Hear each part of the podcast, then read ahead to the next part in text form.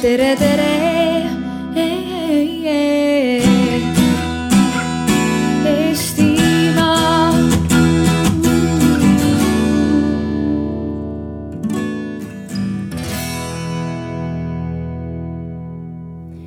Hello, everybody, and uh, welcome to Arvamus Festival. Welcome to the democracy area. Uh, we are about to start a discussion on uh, from cowboy capitalism to value-based entrepreneurship. Title is nice, but let's see what's under that title. My name is Annika Arras, and I'm the managing director and partner of Miltton Nordics, that is a governmental relations and corporate communications company in Estonia, also part of one of the biggest communications consultancy groups in the Nordics. And uh, two to those links in the Nordics that I have, I have invited here also people from the Nordics. So we have here one Swede, one Finn, and another Estonian. I will get to them soon to talk more about them. But for introduction, I just wanted to tell you that um, about a one and a half months ago, I was attending a conference in Helsinki.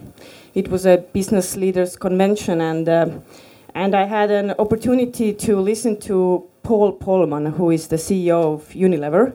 I don't know if anybody knows or has read anything about him, but um, anyway, it was uh, really good to listen to him. And he said that if you cannot explain the purpose of your business, then you will go out of business. So I was listening to him and, and, and he was you know he was so good. Everything he said, everything hold a purpose. It was like it wasn't even a business that he was talking about. It was just making the world a better place. Even though he runs a company that is a global company and uh, makes profit. So, and that reminded me when I went to business school, and then I, I guess the first year, basically every second lecture, you know what they taught me? Companies, this is the mantra that you learn in business schools companies are created to make profit. Then you go to a next lesson and then tell you companies are created to make profit. So I- I don't think we need to object in that. Yes, companies are created to make profit. But times are changing, societies are changing, and the world is, I would say, in a rapid change nowadays. And I guess this raises the question is there something more than just making money? And this is what we're supposed to discuss here today.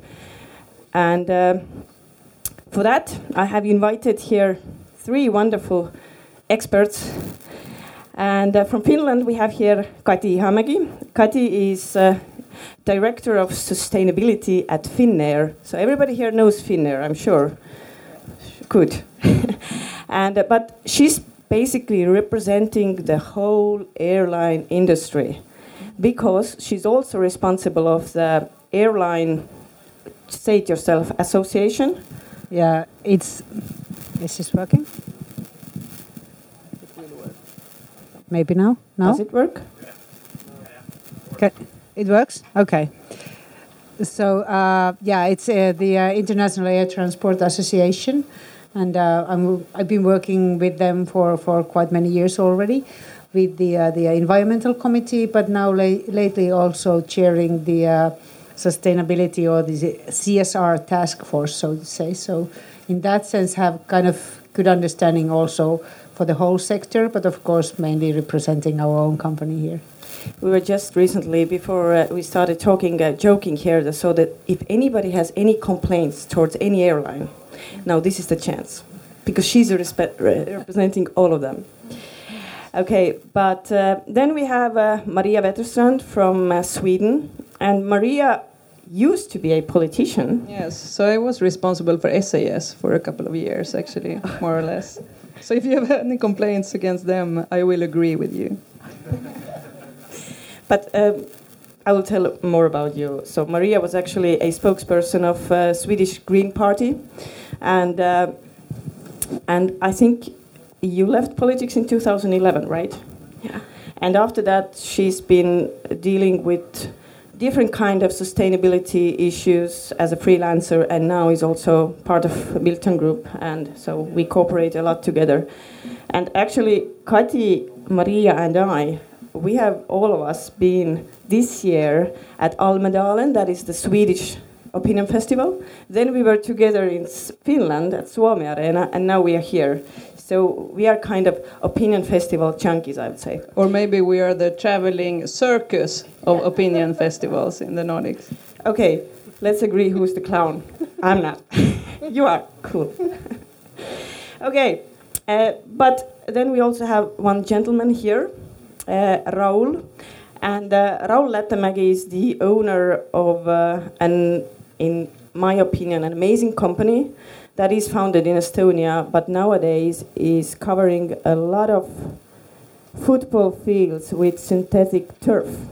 But why is his company so special is that they have actually a production concept that is basically using the waste all the time. So they have the full recycle.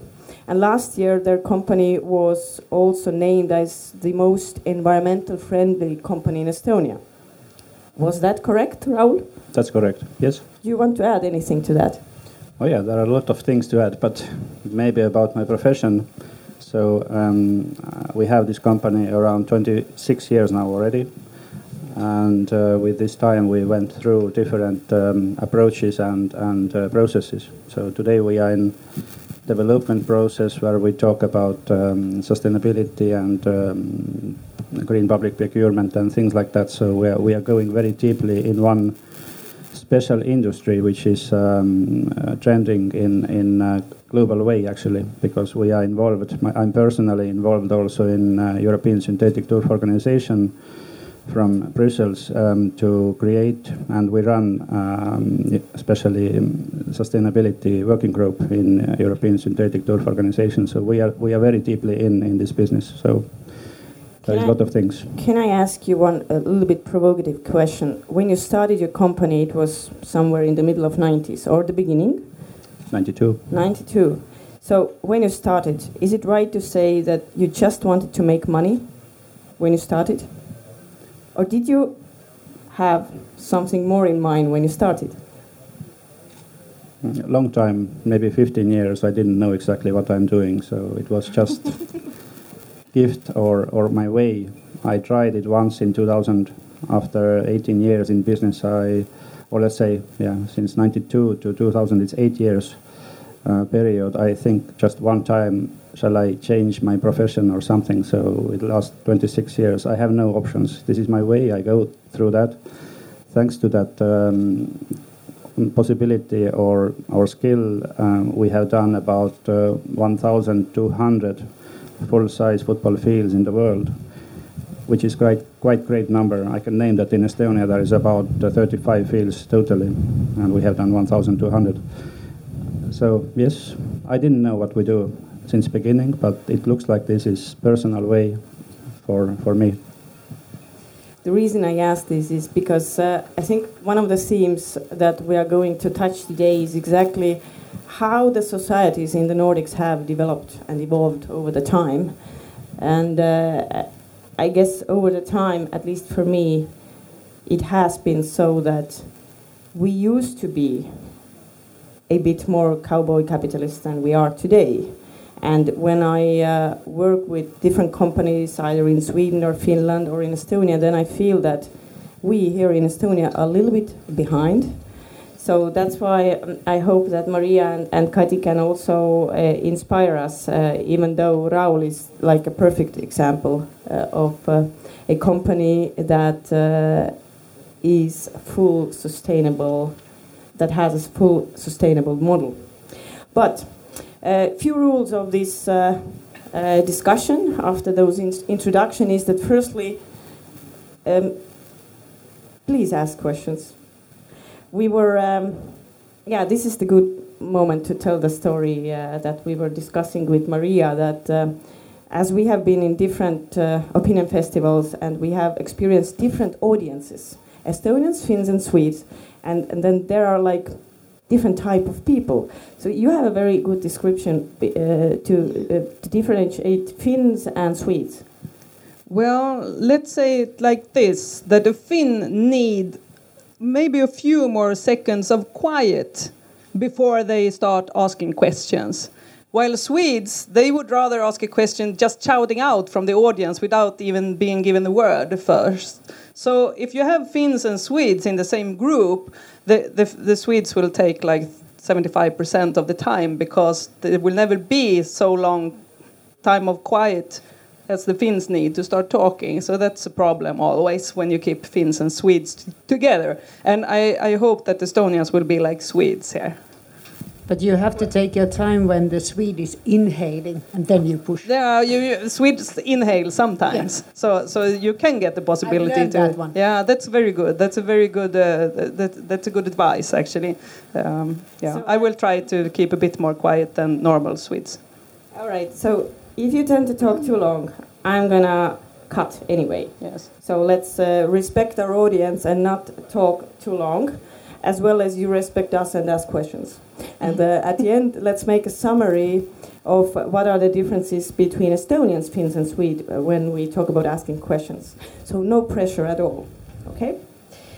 All right. Um, then let's try to find the common ground first. Um, in few issues before we go more into deeper your experience and businesses is um, I think we need to define the topic a little bit better because um in my uh, most likely understanding among the audience here about uh, CSR or sustainability or sustainable business models it's it's quite different and in Estonia uh, what I've felt there are kind of two paths that I don't really want to go there today, and I just wanted to tell you so that we don't get struck into these issues. Is that one is that quite often when we talk about sustainable business models, we start talking only about environmental issues. So, uh, I mean, yes, uh, we do know that the, the, the climate has uh, warmed one Celsius since the Industrial Revolution, and now the Par- Paris Agreement is trying to make sure it doesn't go to two. So we agree there. So my question and actually a request to all of us is that let's not only be stuck in environmental issues. That's one thing. And another thing that is like for me, it's like very Estonian related thinking is that um, uh, a lot of businessmen in Estonia and people tend to think that when we talk about uh, corporate um, responsibility, then that means donating money. That corporate responsibility means donating money or giving money to the charity, and that's it. I mean, during the past year, I've had several situations then when I realized that that's what they get. But CSR is so much more. So let's try to make it wider. Okay, so now I give a word to Kati, and can you please tell us more what you do at Finnair and why do you do and how Finnair has changed over the years so that now they actually need a person like you, and that's your everyday job there to take care of the sustainable business model. Well, I, I think we had the same evolvement uh, as you were talking about, the, starting with the environment first. But as, as Finn, Finns are engineers by heart, I guess, we started with the, uh, with the environmental issues on the technical department. Starting already 1987, that was environmental policy organization led by the uh, technicians, led by engineers in the uh, technical department.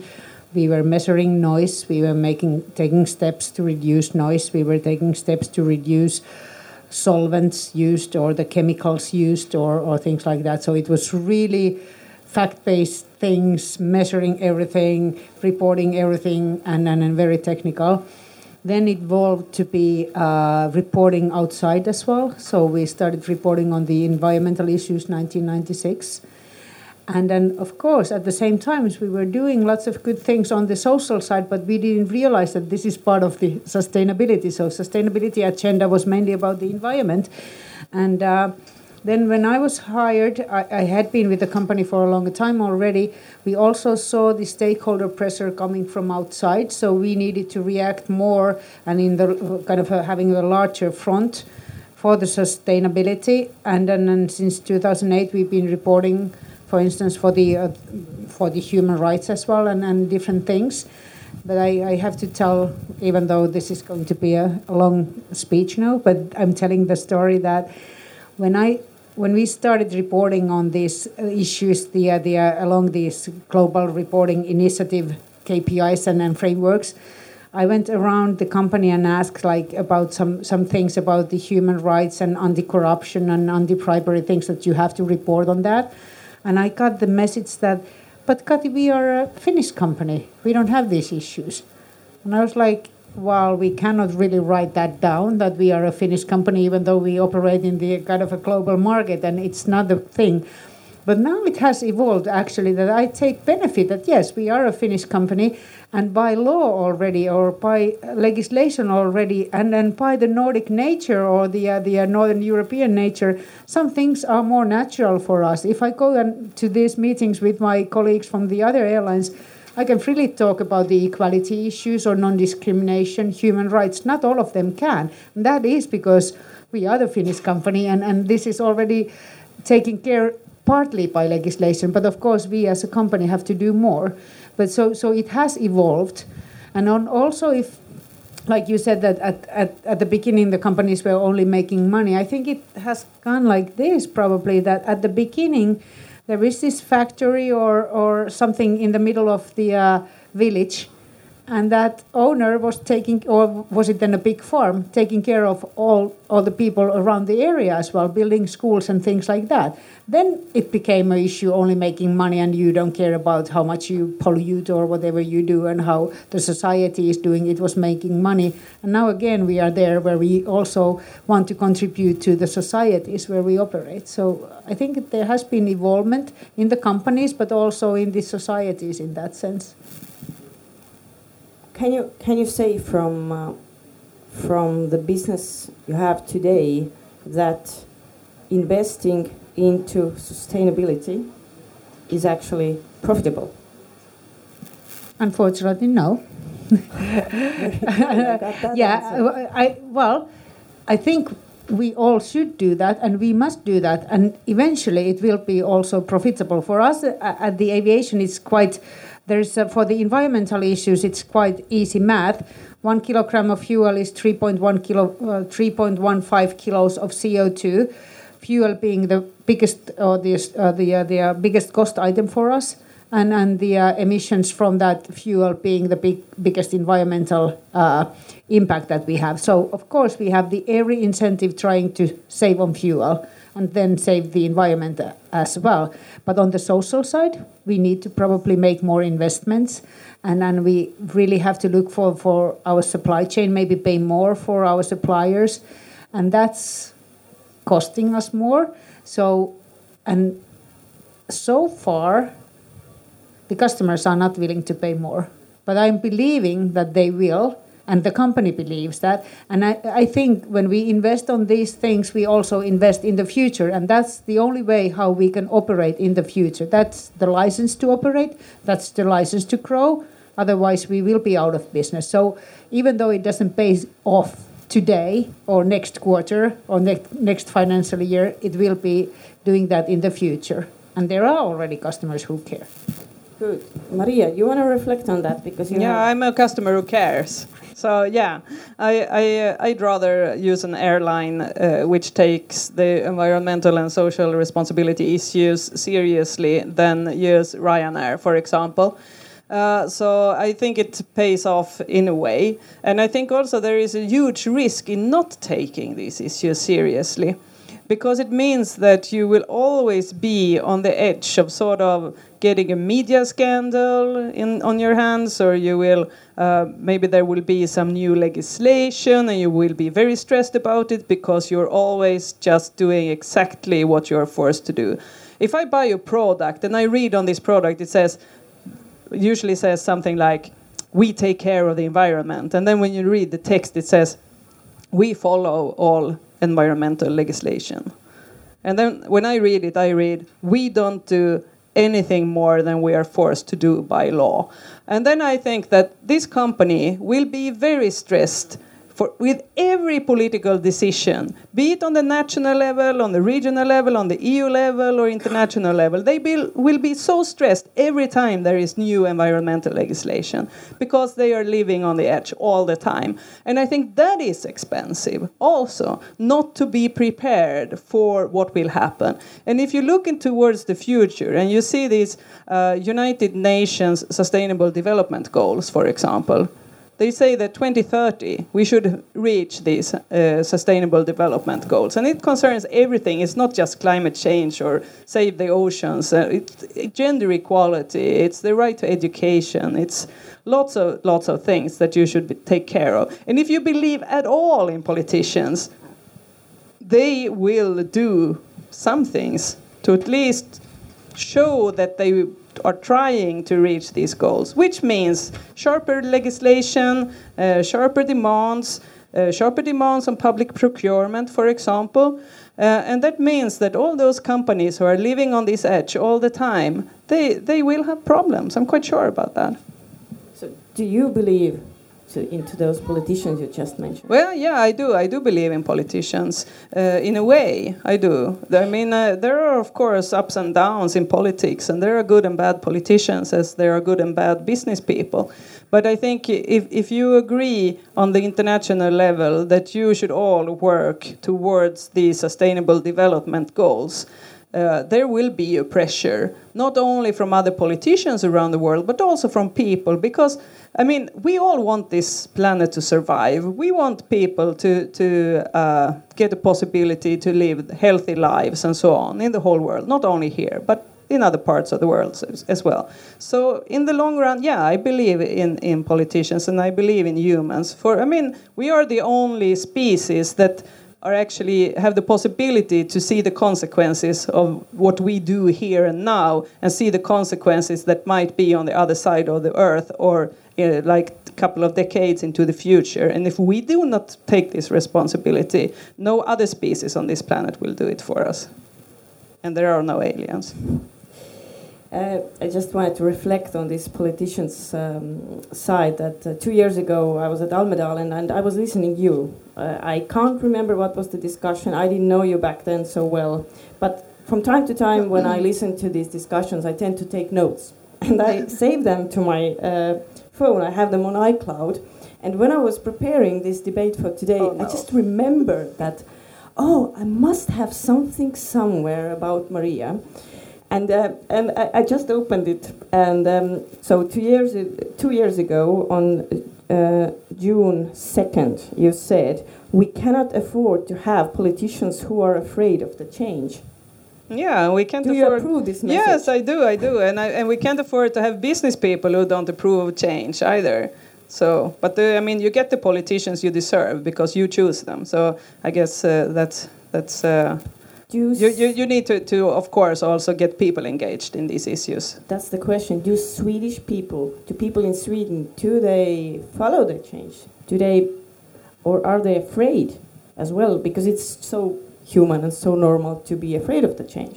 I think I think we are all afraid of change, and if but but the problem is if the politicians and the business people are also afraid of change, because then we will not have anyone to put our trust in, and that that's. Uh, when we get more afraid, and that's when nothing happens. But I don't think Estonians are afraid. You've seen so much change in Estonia in the last three decades, so you can scared? you can you cannot be scared of change. I don't believe you if you say you are. So let's ask: Are we scared? Is, the, is there any Estonian here who's scared of change? Hands up. Okay, you were right. Nobody's scared. That's good. Okay, but coming back to the Profitability. Let's uh, talk with Raul a little bit. I know your company has made huge investments into machinery and into R&D to make sure that what you do is will affect uh, environment on mi on minimum and you have taken a lot of risks you have invested so much money is it coming back? Has it come back, or do you believe that it will? Um, I'm quite positive about that because uh, through our long history and experience also, uh, I have to say that I left Estonia on this day when Estonia got Estonian crown, not euro but crown in June 1992, on the same evening when I collect my first 300 euros in the changing point. I left Estonia through with uh, with a ship to the Stockholm. It was my first trip, and since then I have been totally in Sweden about three and a half years in different periods in total, not constantly. So I'm a little bit Swede also. So I have, I have friends there, many friends there, and I see the difference in societies actually, and this is the problem. So Swedes are so much ahead from us. This is clear, and uh, there is not. I don't see movements or change right now to to catch them uh, back uh, so far in uh, especially in uh, environmental questions and issues with companies it it um, it is touched to the environment it is touched also society and uh, yeah we have so much to learn from Sweden Denmark Finland also. We have good partners in France. This is amazing what they do. And actually through this experience we have done this uh, development and, and create um, our system, our, our concept, we call it, we call it Arena concept. And this is uh, well known today, so well known that even in FIFA head office in Zurich, we are considered as one of two uh, plastic and uh, second-hand, um, uh, let's say, synthetic turf uh, recycling system in the world. So I'm quite positive, and uh, but it, it yeah it took only 26 years to to create something, and now we can um, uh, earn money also from that because today, uh, about 12 months ago, 13 months ago, I hired first sales guy in our office. Uh, really, last 12 years we have had zero salesmen in our office, so we sell all the projects through our experience through example works through our good partners, good words about us. And even today, when we got one, two orders every morning, so then we don't push with that. So we just present our environmental um, way, sustainable way on that um, industry. And this is unique. And I see that, uh, yes, we can earn those millions back, um, what we spend for R&D um, this is funny situation in our company. This is uh, I am the main owner of, of, our company, but I'm not the CEO, so I don't run this company. Last five years, basically, what I do, I run uh, R&D division and uh, do a lot of travels. Uh, do a lot of uh, last year, for example, I had 111 uh, takeoffs by the plane. With last year, it will be less this year, but it was crazy last year, and it means that. Um, I can do this uh, development and, and I see also statistics and I see our customers, for example, uh, since last year we worked basically in Scandinavia, a little bit in, in UK also. I have been in UK for two years. Uh, but now, today, actually today we work with two teams in uh, Spain and one team in uh, Greenland and other eight teams between there, somewhere in Belgium, everywhere in Scandinavia, uh, so we are we have fields in 26 different countries in the world. And yes, I can answer this is uh, profitable business can be done if you yeah if you can influence the the business and uh, and a little bit rule the trends. So you must have you must be proud to to change the trend. For example, it takes years, yes, but it is possible. That's a a relief to hear that it is possible. But when you said at the beginning, uh, when we were doing the introduction round, you said that when you started, you actually didn't really know what you were doing, and you you just didn't know it. It has evolved in time. So today, have you actually framed uh, what is the purpose? Why do you do it? What, do you want to have like that kids would have a better playgrounds or football fields is have you explained it for yourself to yourself today Uh, of course, this is um, this is about me. Uh, this is about how I think because um, if uh, we named that uh, cowboy capitalism, what is the standard way, let's say 95% maybe of businesses uh, are run by, by that um, idea, then uh, I'm happy to be this 5%, just to, to run uh, other side uh, in the water. So, and maybe somebody will follow also. So, but totally in, in our business, globally, in, in sport business and in football business, we have network which is very strong. So basically, I know equally the same business uh, in, in, in many countries. And this is one network, so it's easy for us. Sports, it means always it's different. There are no, there are no so much bad habits, and and um, uh, in our network, people act a little bit differently than usually. So yeah, blame us, but we are like that. So, so then, in short, why? You do it because you care, or? Yeah, uh, because I can. Uh, because you can. That's but but I can I ask him a question? So you were there in 1992, thinking that I need something to do, and and then you decided to make synthetic football fields. Isn't that a quite complicated thing to just start doing like that? Why not like plastic cups or something easier? Uh, if, you, if this is your line, then you do that. Uh, it was very simple for us. I went to building exhibition in um, Mariestad in middle of Sweden, middle of nowhere, actually, and we didn't know what to do. I was just on the first, I was finishing first uh, year in my university, and I was like on a vacation and a little working trip in Sweden and, and visiting just one, uh, one um, exhibition place. Uh, it was just the moment I step in, I saw their business, I saw their um, technology, what they had, and I got immediately ideas how to develop that. I did offers, and the next day we did agreement. So we were representative for this company in Estonia for next 10 years. Mm. And also we did offer developments for them. So our technology was a lot of used in, in Sweden also.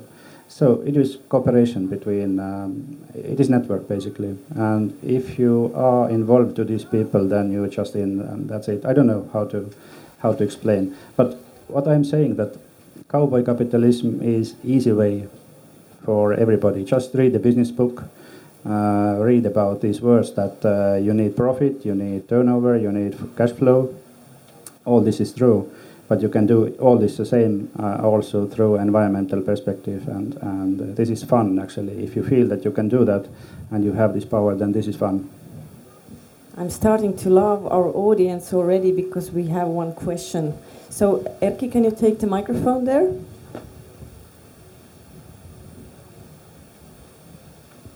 Hi thanks. I'd like to make an argument. I think you're kind of confusing the issue when you're saying that profits are here and value and purpose is here, that they're somehow different things.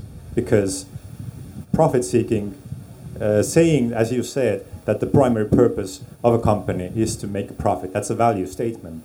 And it isn't so that this has been the case throughout history. That, that's just what companies do. And now we're trying to go from profit seeking to values or something else. This, there's been a debate in the 20th century where Milton Friedman was in, even in the 70s, quite radically saying that the only moral thing for a company to do is to create shareholder value. And then, uh, on the other hand, we had uh, Peter Drucker, one of the greatest management thinkers of that century, saying, no, the only purpose of a company is to create a customer. Uh, and so the question isn't that either profit versus values or what kind of value and for whom. Are we creating value for shareholders through profits or value for our customer by delighting them somehow else. So if you accept the position that profits come first, then you're kind of, I think, fighting an uphill battle. You, if you put profit on the same even uh, playing field against all other values, it becomes much easier to say that, hey, maybe we're being stupid by only going for one, one value instead of many others that we could go for. Thanks. Well, thanks for that. Uh, I, am just going to take uh, your note uh, to Kati and ask uh, to whom you are creating values. Who are the shareholders, customers, who? Finnish people, Finnish society, or the Finnish company? Well, I think we should uh, create value for the all the societies where we operate. That's simple as that. It's not only, and, and as you said, the profit is not profit seems to be only money, but value is more. Value is also like if if the purpose of our company it hasn't been defined in in kind of a one sentence, but if I think it from my viewpoint, the purpose of of our is like enhancing the connections of the people and, and societies and businesses, enhancing understanding of people uh, of towards different cultures, or even kind of enhancing peace in that sense, but also creating value for the society to have opportunities to connect with other people or connect businesses. So, and and, and you need, of course, profits to do that in order to operate. So I, I wouldn't say that profit is the bad word only. You need profits and, and then but it depends how you how you kind of share that profit then where do you put that profit if you only make money at the same time you are like destroying the nature only and, and, and not caring about that at all then it's a bad thing but if you make profit you make people your workforce or societies to feel better and then you also try to minimize the environmental impact or things like that then then there is a value more value than just making money. That's my see, yeah i can see maria yeah no yeah i just think that i mean if you look like 100 years or 200 years back in time when people started companies it was usually that they they had the money to invest in some new technology that could produce something that was valuable for the society in one way or another.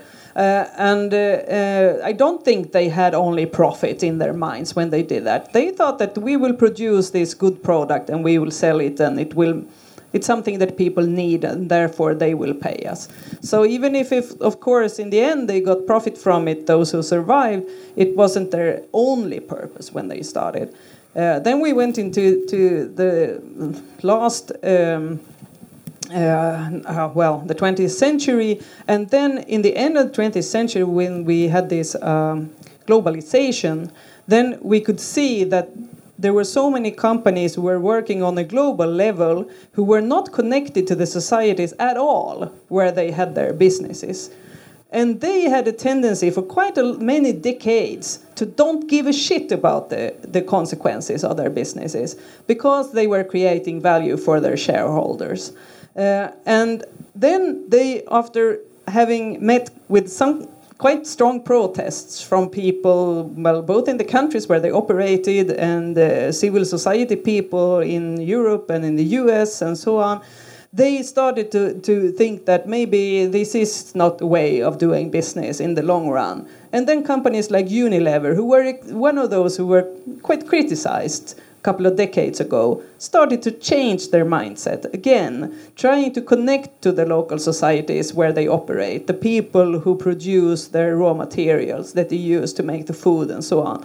And they started to make a business out of being more responsible than their competitors. So it sort of moved like up and down. And I think we are heading towards a, a, a time when sustainability will be really important for people. And also when we make surveys and ask people today, especially young people, it's both in Estonia and it's in Finland and it's in Sweden, you can see it in all three countries, that they are very concerned about sustainability uh, both social sustainability and environmental sustainability. So I think there is a business opportunity for those companies who can see that these are actually something that makes your products worth more. Taking back to Kati. Yeah, and actually now I have two things on my mind after Maria spoke. So but the first thing is that also when you said about the new generation and, and people, I think if you are acting in a sustainable way, you are all, always in a better position to hire the best people to work for you as well, and then that is also profitable for you to make the idea to, to be able to hire because as especially younger generation they are very, really keen on having the similar values in the work life than the uh, the uh, the uh, otherwise so so they want to share the same values with the workplace where they where they operate daily but the other thing that I was saying that there is a big debate now in, in Finland and it was in Sweden about the uh, taxation of emissions from aviation. And then we've been telling that yes, aviation fuel is not being taxed, and the purpose for that actually was already from the after uh, Second World War, World War, that the aviation fuel and the maritime fuel is not to be taxed because we needed connections and we needed to expand markets and we needed to to kind of change the world and create opportunities by that. So actually coming back to that, I, I think there's still the same purpose and same idea for these businesses to connecting businesses, connecting people, helping societies. But yes, then there is another question that yes, we must pay for the emissions, and and, and probably that has changed since that. Yes, uh, Raul first, and then to the audience. Oh, you wanted to point it to him. Very good. Then uh, microphone, please. Um, I'm I'm really interested by the discussion, uh, but um, w- one thing that I've been trying to avoid in recent months, well, since people pointed out it was happening, was being in a kind of a liberal bubble of everything's okay, and I feel like all of the uh, discussion is, shall we say, slightly left of centre or maybe directly in the centre, and um, I'm, I'm so, so, some of the time I'm a school teacher, and the school I teach in is in Tallinn, and um, we had a debate about universal basic income, which I know in Finland has been uh, has has been a discussion over the last few years, and. I was uh, I was showing videos. I was advocating for universal basic basic income, and I did the sort of Jerry Maguire thing of saying, right, who's with me? Who will uh, who um, who will be the proponent of universal basic income, and there was unanimous there was unanimity um, in the class against it. Um, even so, uh, we say that young people are becoming more socially active and are becoming more uh, um, more um, social justice orientated, but um, there seems to be um, a consensus still towards people should be able to do whatever they want and towards the individual, particularly within Estonia. The, the other thing that I would say is um, I, um, I, I wonder if that's reflected in our political discussion because, um, okay, I, I know the current government hasn't um, done things that everyone likes, but um, when it was coming in, when the Social Democrat uh, Centre coalition was coming in, there was an awful lot of alarmism about, well, are we going to get socialism in Estonia now? Uh, when they abolish the flat rate income tax, is that going to be the end of Estonia as we know it? And I feel like we're still at that stage a lot of the time in Estonia, that the, the, the debate is still, if we open the door a little, then we'll get full on socialism. And I think until we become a bit more measured in our discussions on, you know, what is right and what is not, we won't get to the stage where we, we'd like to be in terms of social justice and sustainability. But I'd like to know what you guys think. All right. Who want to go first? Raul first, yeah. Yeah, I like your point. But um, I try to explain this a little bit um, uh, around, around the corner. Uh, for, for the beginning, I will explain one, uh, one definition uh, in Estonia, mostly is used um, public procurement like um, the main mainstream for to buy something for community or local government. So basically, it means that 99% um, cases the cheapest price will win the tender. And this is the public procurement standard today. It means that always uh, what you get is not the best what you get because you, you must choose the best one and there is no other options. And people don't know that already 2013 there is a European uh, legislation uh, officially, and um, what we use now more and more globally is, uh, and especially in Europe, is uh, GPP, which is uh, green public procurement.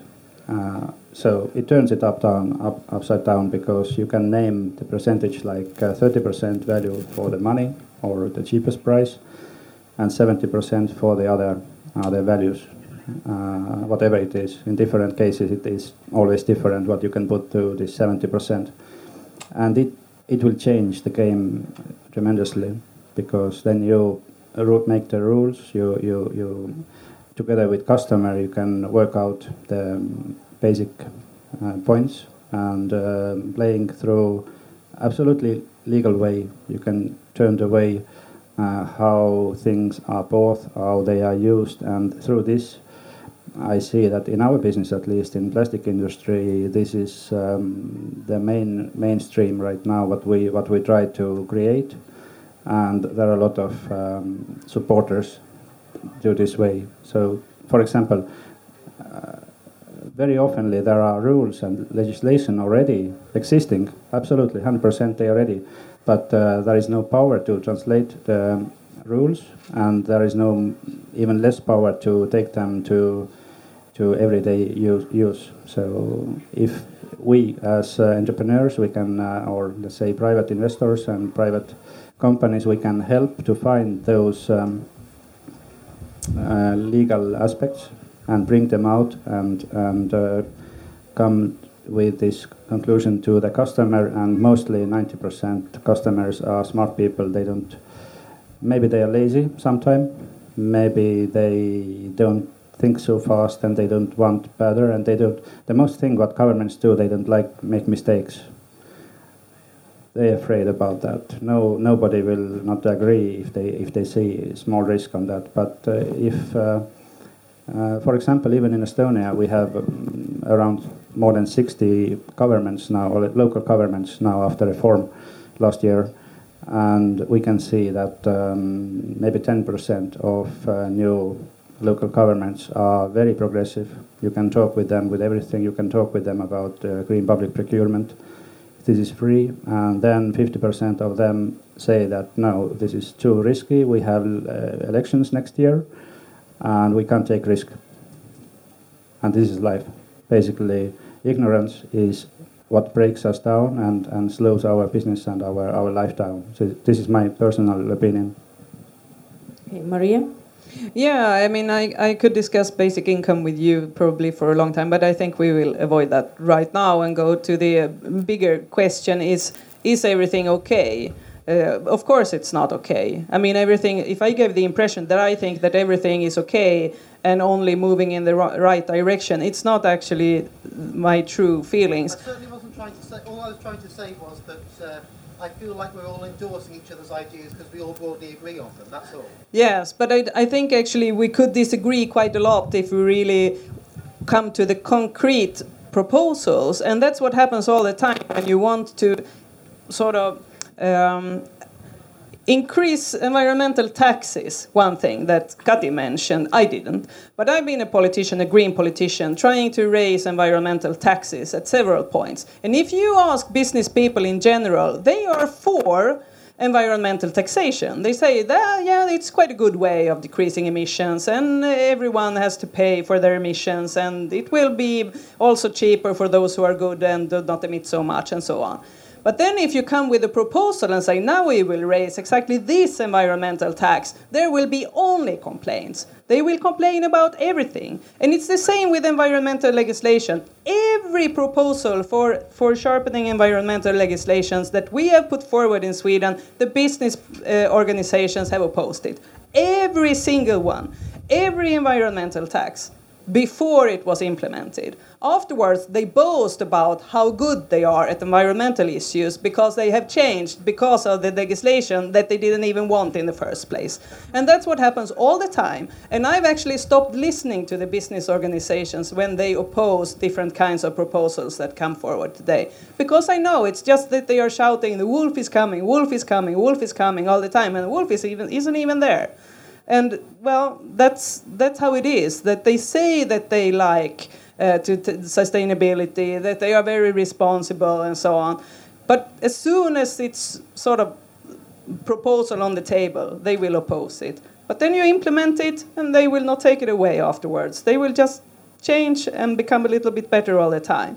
But I will also want to say that it's easy to say that Sweden is better than Estonia. Business people in Sweden are much more interested in sustainability. Yeah, it might be the case, but it's also the case that Sweden's environmental footprint is much larger than Estonia's environmental footprint because we have more money and since a longer time back and we consume so much. So we produce a lot of environmental footprint in other places in the world because of the things that we buy. So even if our also our young people when they say that they want to buy sustainable products and so on and they really appreciate if they can work for a company who takes sustainability issues seriously and so on they still want a new uh, iphone at, at least every year. So it's i mean it's there are good things there are bad things in the development today. And of course we want to push it a little bit more to the to the good side in estonia and in sweden also. So do you buy new iphones to your kids every year? I actually had my last iphone for five and a half years until i accidentally flushed it down the toilet. And then i had to buy a new one. And I we'll keep that for at least five years. No my, my kids cannot have a new one every year. No Kati, is Finnair afraid of those wolves that uh, Maria was talking about? So yeah, when it comes to the taxes, for instance, yeah, we do oppose taxes completely. Uh, not not uh, if it's a local tax, but I would recommend that we would have a global tax, probably not tax, but the other measure, global measure for the emissions. Then I don't oppose and I've been actually pushing that in the industry association, and I was taking out from that association for a while. There were a couple of us doing that, so so we were like kind of left out for a while. We were too radical, too green at that point, and now the whole industry is cheering for that proposal. So it, it evolves also, but yeah, for taxation, for the local tax in the global business, I don't believe in, but I believe in global measures. And, as I said, and I can say it here as well, that I need that the uh, the price of carbon for aviation for any business is too low. So we have to have a reasonable price for carbon for all the businesses, and that helps us to make wiser decisions as as industries, as businesses, but also as governments. And until we have that, we keep on pushing emissions to the uh, the uh, earth at the same rate I, I do believe in the individuals, and I do believe that people are responsible. But like Maria said, that uh, on the other hand, yes, you can be a very environmentally conscious in this end, and then you buy your next iPhone, and then it's being shipped to you by DHL, and the uh, the planes fly. So yeah, we make. So we need governments, we need businesses, we need individuals, we need consumers to work together in order to, to get there and in order to really really make uh, powerful decisions. No industry will do that on their own. We have a question from the audience. Christina? Uh, I have a question to Finnair. Uh, if we uh, take a look at the stakeholders, those that actually bring profit to you, those investors, your employees, your clients, which stakeholders of these are the most demanding of CSR? And which are the most sensitive, in your opinion? Probably our own people. We just made the survey. Uh, it's it's usually we have this materiality analysis as part of the reporting cycle where we ask all our different stakeholders what really matters. And uh, yes, our corporate customers do say that this matter, and then what do you do for environment? And when they ask uh, the tender from us for their flying, they have the environmental and social sustainability questions there in place. But it only counts like this. The price always comes first. That's why I was a bit cynical at the beginning. But I'm happy that they still ask. They do ask. And if we are not able to answer them, they would go somewhere else because they are that's their compliance program. But anyway, they do ask, but it's a minimal thing. Uh, investors, yes, they do ask more and more, and that's becoming more and more important driving force for all the companies, I think, when investors ask. But the most important thing for us so far has been the opinion of our own people. Because if they are not happy with the company, especially when it comes to the social sustainability, if they are not happy with the company, it shows and it shows for our customers as well. So then that cycle is inevitably bad for the company. So, so I think, and then I was so happy when we did the survey this spring. We asked our own people that what do you value in your own life? What is important for you in your like outside Finnair in your in your life? What is, what sustainability as, aspects are important? There, well, well-being, uh, child rights, human rights, recycling, emissions. All these came up, and then we also asked them that what would you like Finnair to do more? What would you like to? What are you able to do more in your own work, or what you, would you like to do? So, so that gave us like 1,500 answers, and more than 100 people want to come to an interview to tell more.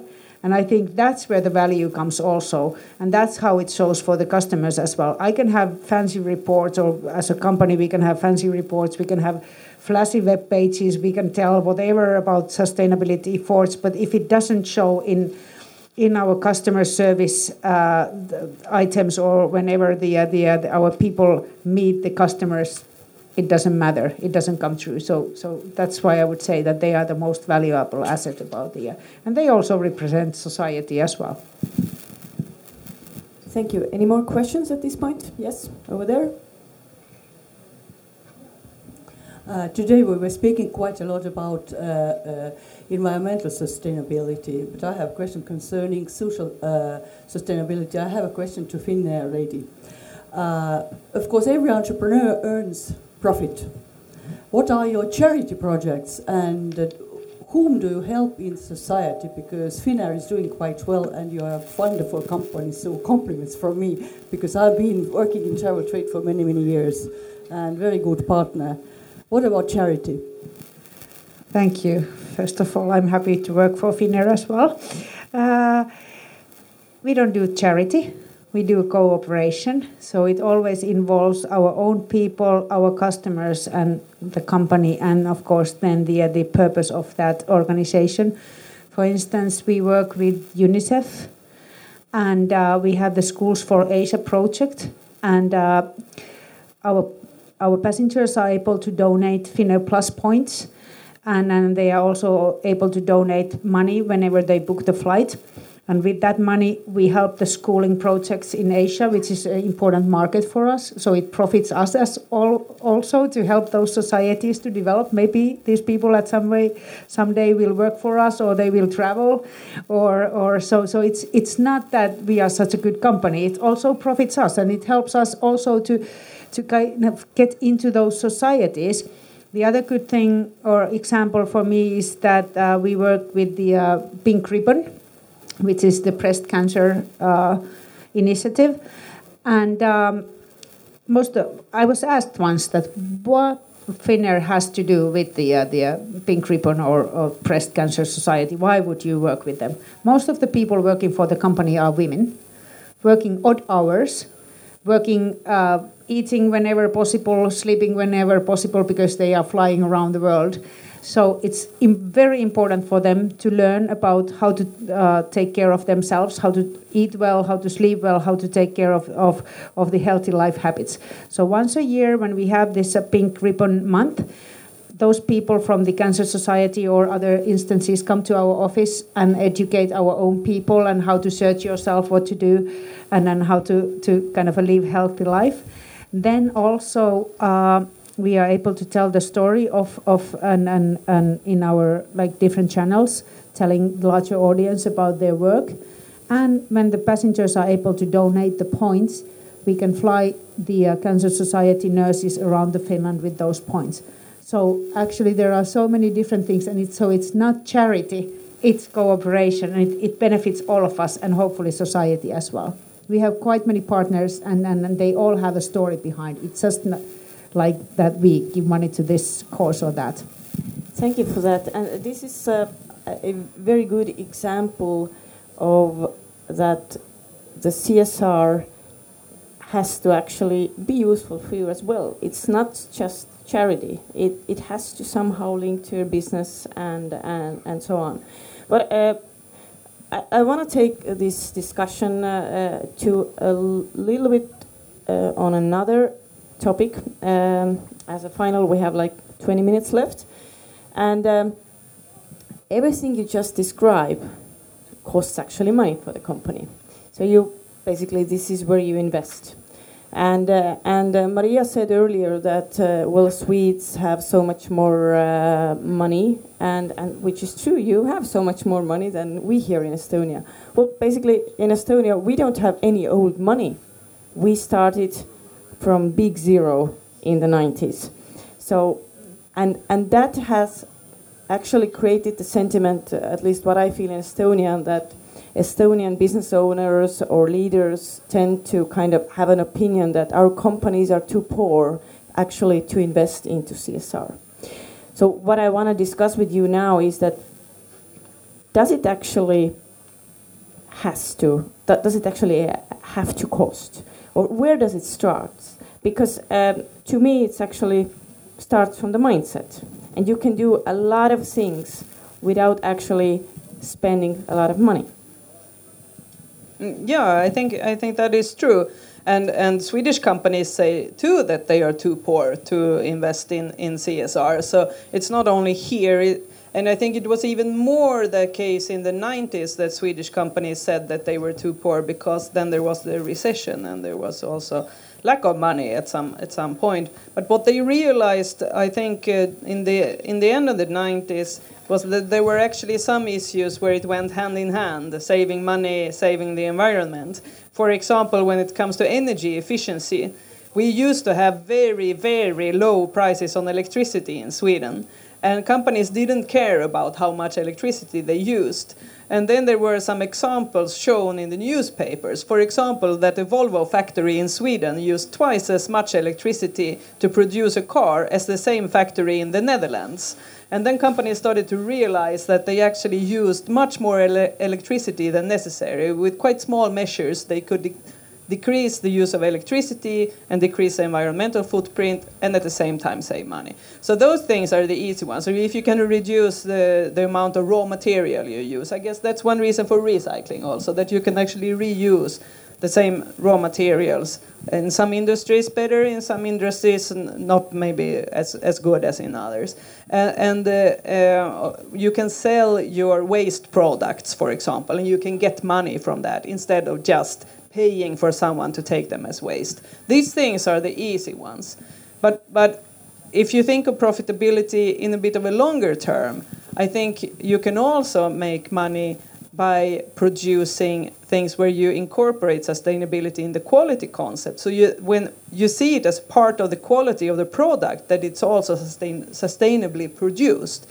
And if you have like uh, the clothes company H&M, that is a Swedish company, they have been criticized so much for paying so low wages in the countries where they produce their clothes. And their clothes are really, really cheap compared to many others. And that's because they don't pay people enough.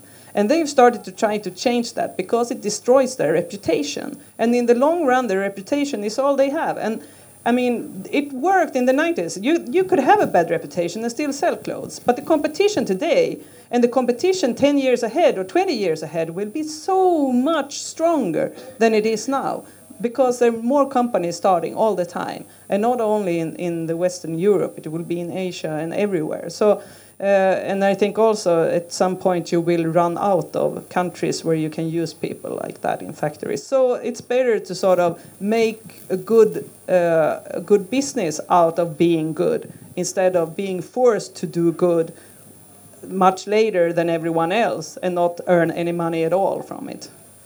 But uh, quite often, uh, uh, companies, or even with, on an individual level, people tend to change when there is a moment of crisis. So we don't actually open our eyes before, you know, something bad happens. So, uh, Maria, do you have any case from your previous uh, work in Sweden where you've actually seen that a company changes the attitude or their uh, business model after a crisis? Yeah, I think one good example is the building company Skanska I guess they built things here as yes, well. Yeah, uh, they had a huge environmental scandal in the 90s, building a tunnel in the west of Sweden, and it uh, it turned out that some of the material they used were toxic, and it came into the groundwater and it killed cows and made it impossible for people living in this area to use the water for quite a long time. and and uh, also the tunnel became very very expensive, which was a problem, of course, for their profitability as well. Uh, and it took like 15 years longer to build the tunnel than they expected. They changed their whole environmental policy and everything to do with environmental issues in their business after that. And they are now one of those companies that are considered one of the, the most environmentally responsible building companies because they had this scandal. And I actually believe that Volkswagen, after this diesel scandal that they were involved in, will uh, become, if they survive, they will become one of the, the uh, more sustainable producers of cars because they were really hit really hard by this. So the risk is, of course, that you do not survive such a scandal. But if you do, it will usually change your mindset. But it's a hard way. You can do it an easier way and change yourself voluntarily. Raul, you said earlier you have built your company 26 years. So now let's take the Estonian reality. We have a lot of small and very small companies here. And when you have to tell them that they have to do like very responsible business now, and then after 25 years they're gonna get something, how do you think they will react? Or uh, what would be your message to them that uh, how do you start actually? Uh, I, I, think that situation right now is quite good actually. All this influence and all this network from from other world globally is quite good. Uh, world is open, everything is uh, available to get, and if you start from the right position and uh, create first business plan, and uh, business plan should be like uh, philosophically in the right way. So you must drag out or take out all what is what could affect you on the future in some um, in some bad way. For example, in in our case, we know customers who uh, ask about past, about um, about uh, business plan, about um, philosophy of company, and if you are, have option 50-50, then uh, customer usually use uh, choose your company to do this job. So it's extremely important not only to be green, but also uh, really uh, be green in heart and and and. Um, just two things maybe. What I, I like to say more is that uh, in in global there was research um, that in yeah globally we have about 500 green label systems in the world today. It means that uh, or actually question is what why so many green label systems? And mostly they are like um, PR projects. So basically, you you you should be they who give out next green label system. They think that they will be better in some way, but how to measure and how to be sure that this is the truth. Actually, basically, if you have much money, then you just make big advertisement in the newspaper and and you can name it the green label system and green green labeling.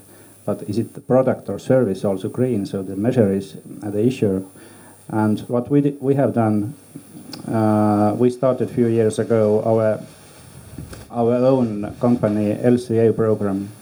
And um, I'm sure that it gives about 90% answers to all environmental and not only environmental but also social um, sustainability answers to that. LCA, it means that uh, life cycle assessment and it could be about product or about service, both way. So all your spendings or your cost or your emissions or your footprints will be um, marked.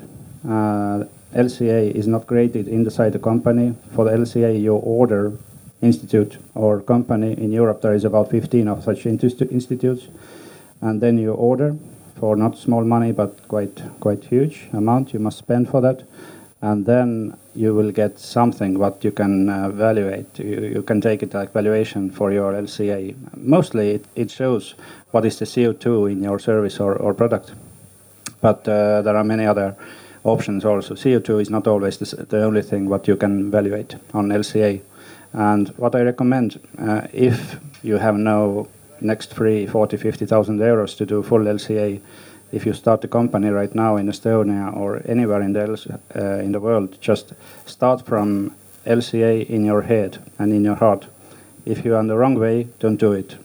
If you feel that this is correct, start it, and then after 25 years, maybe maybe you will be happy.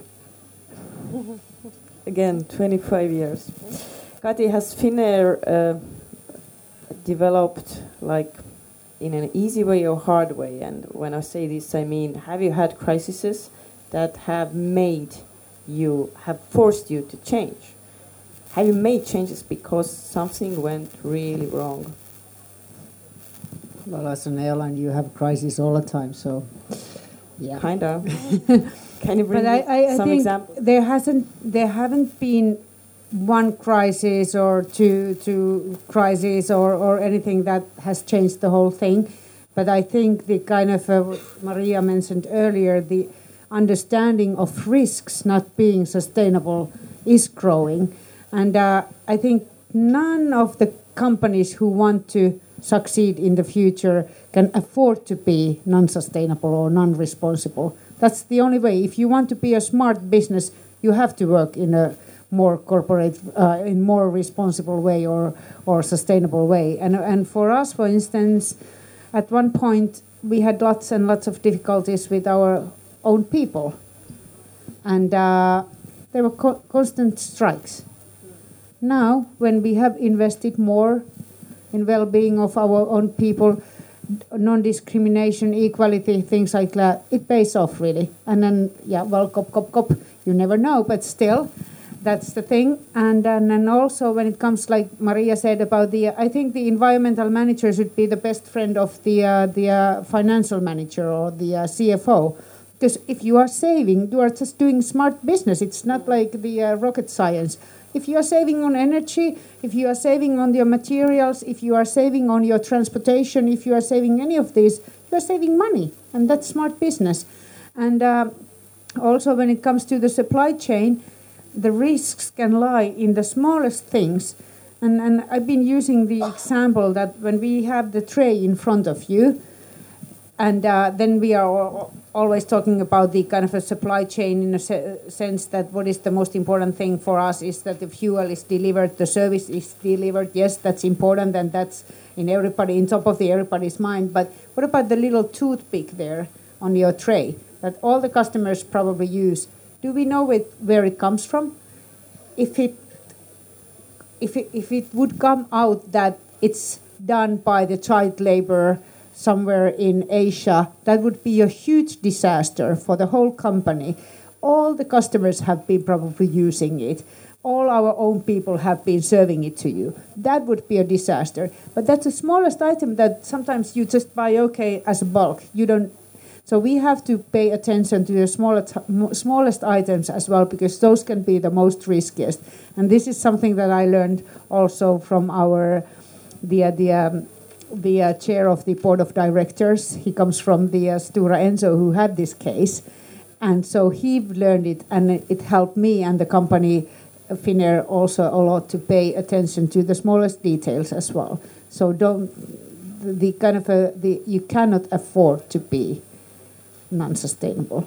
Devil is in details, Maria. Yeah, yeah. I, I sometimes I say to to uh, management people in in companies uh, that their surveys have shown that uh, those um, leading people in companies who have been forced to leave their posts in the last 10 years it's much more common that it is due to ethical issues or, or something to do with lack of sustainability that have made them uh, have to leave their posts. So then they become a little bit nervous. That is very good because they see that there are risks if we don't take care of this.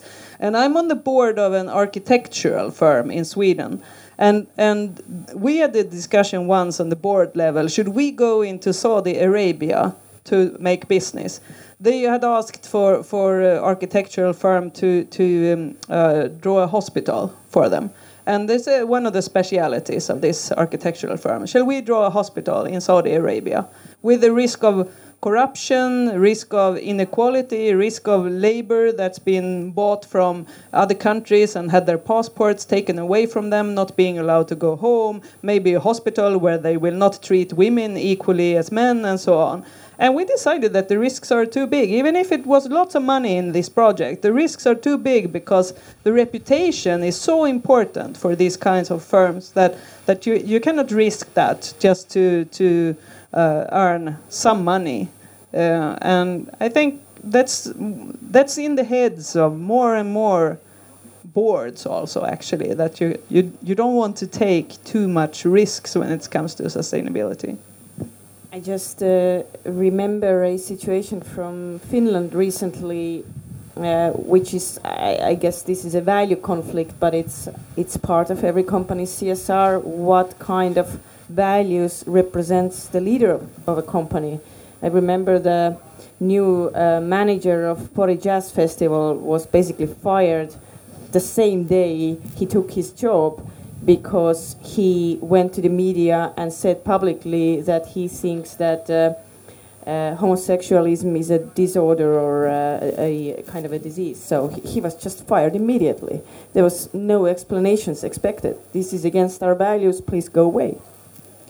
Uh, coming to that, uh, or just making a comment, we've been mainly here talking about the risks now, but also there are opportunities. So, for instance, in this case, if you would have been open to everybody and our festival is open. If you it could have been a business opportunity for you and then um, maybe that's not the best case but for us for instance the uh, we are now working a lot with the uh, different disability organizations or or looking at our product in a sense that how does it look from the uh, if you have any type of disability if you have any type of if you are like well, if you are not able to sit or travel as, as most of us are, so what kind of services can we offer and can we be better than other airlines? Can we kind of uh, win hearts and minds of, of these people? Because we some people said that okay there are only limited number of, of, of this type of customers who need this help but what about the societies in, in nordics especially in japan which is our big market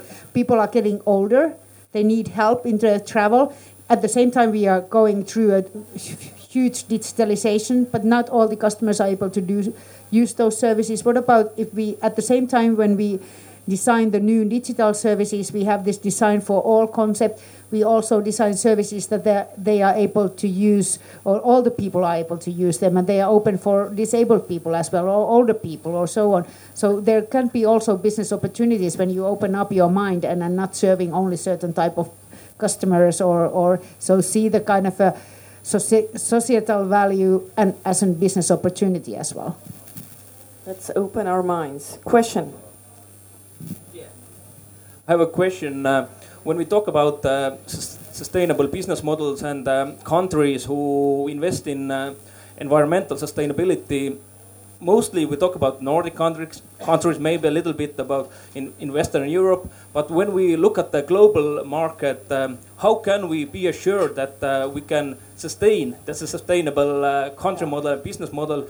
If we look at the Nordic countries, the uh, public uh, expenditures are going up, uh, public debts are increasing. How can we be assured that in 20, 10, 20, even 30 years we can sustain this system?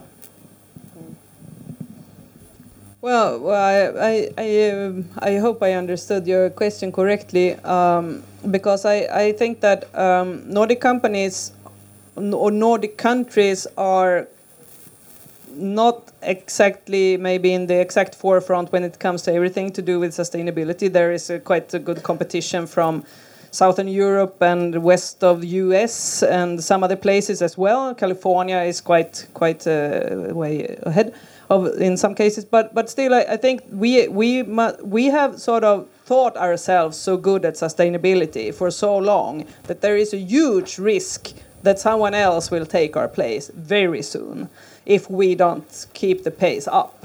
And, and that will be a missed opportunity for us, I'm quite sure, because sustainability issues will be more, more important in the world. And if we don't keep our, our place in this competition, we will, we will lose opportunities. And I think that especially countries like Sweden and Finland, actually, because we, we get more and more stuck with the systems that we once created. And it gets more and more difficult to change with time. It's the same with old companies, and we have lots of old companies. Old companies, they don't like to change so much. And I think Estonia, you might have like uh, three decades or something before you get stuck. So see to it that you run really fast now in the right direction. And you will be ahead of Sweden and Finland quite soon, I'm sure. Oh, thanks for that. Raul. Um, I would say to your question that um, sustainable company consists of um, sustainable employees. Uh, and what is what does it mean is that um, if you if you try to imagine company where there is no working time, you don't need to come to the office eight or nine, or you have no control over your life, uh, and and your first benefit is not the money what you earn, but uh, let's say salary is your second or third um, benefit, uh, what you get from the company, and then ask the question, will you stay in this company? So if you turn it upside down and again uh, look this company um, in different perspective, than then it is easier to understand. Is it is this company sustainable? Are you staying there for money, or for uh, for some relations, or what uh, what is your main main um, reason in, in the life to do. So basically, work is um, not work. What we do, mm, our company company is just a form or a tool. What uh, what helps you to create if what you what you like to achieve in the life. If you can put them together, so your your mm, your Im imagination and your dreams and your company and your hobby on the same bullet, then it can be quite quite strong and sustainable on the same time. I kind of feel now that I want to come work for you. Can I? Okay, yes. You have a comment? Yeah, I have a follow up. Uh, so basically, we put our beliefs in the values that people in the future will value the sustainability more. But when we look at the recent, uh, recent how to say developments in all over the world, we see that we can't even agree with the climate change and we can't uh, make any agreements and how the future will be any different. But I think uh, on one hand it is true. On the other hand, um, people in the whole world today are much more engaged in environment than they ever were before. So, so I think international agreements are very, very difficult always. I think there is, has been one successful international agreement on environmental issues ever, and that's the um, ocean de ozone depleting substances, the Montreal Protocol, which uh, sort of forbid countries to use ozone depleting substances. It was quite uh, effectful, but uh, otherwise it's it's uh, been impossible to make any such agreement. So we cannot trust in those anyway. What we need is technological development and also national responsibilities and business responsibilities. And even if we had the international agreements, we would still need the same to be able to, to change. So it doesn't matter that much. Of course, it's a big, strong signal if you can get an international agreement, a strong international agreement. But it would be the same kind of work necessary to do the real job as it is today.